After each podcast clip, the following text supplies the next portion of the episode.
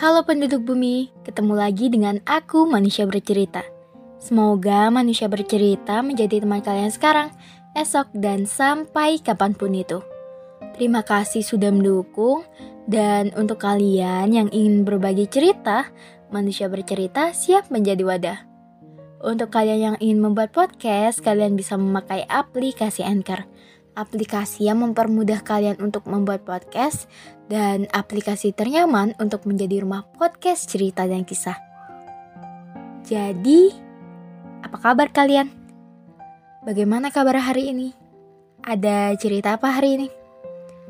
Untuk kalian yang sedang sakit, semoga segera sembuh. Untuk kalian yang bingung, semoga gak bingung lagi.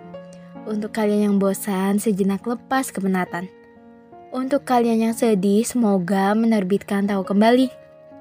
Dan semoga kalian melahirkan bahagia setiap harinya. Di podcast kali ini, manusia bercerita akan mengangkat topik tentang tak selamanya patah itu sakit. Oke, selamat mendengarkan.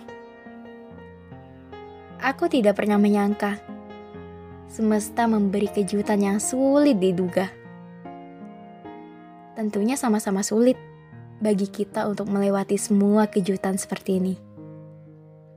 Namun, cerita ini sama sekali bukan cerita bertema sedih. Ini adalah cerita yang sangat penuh pengalaman. Sebelumnya, aku mengucapkan terima kasih. Terima kasih masih mau membantu di beragam kesulitan.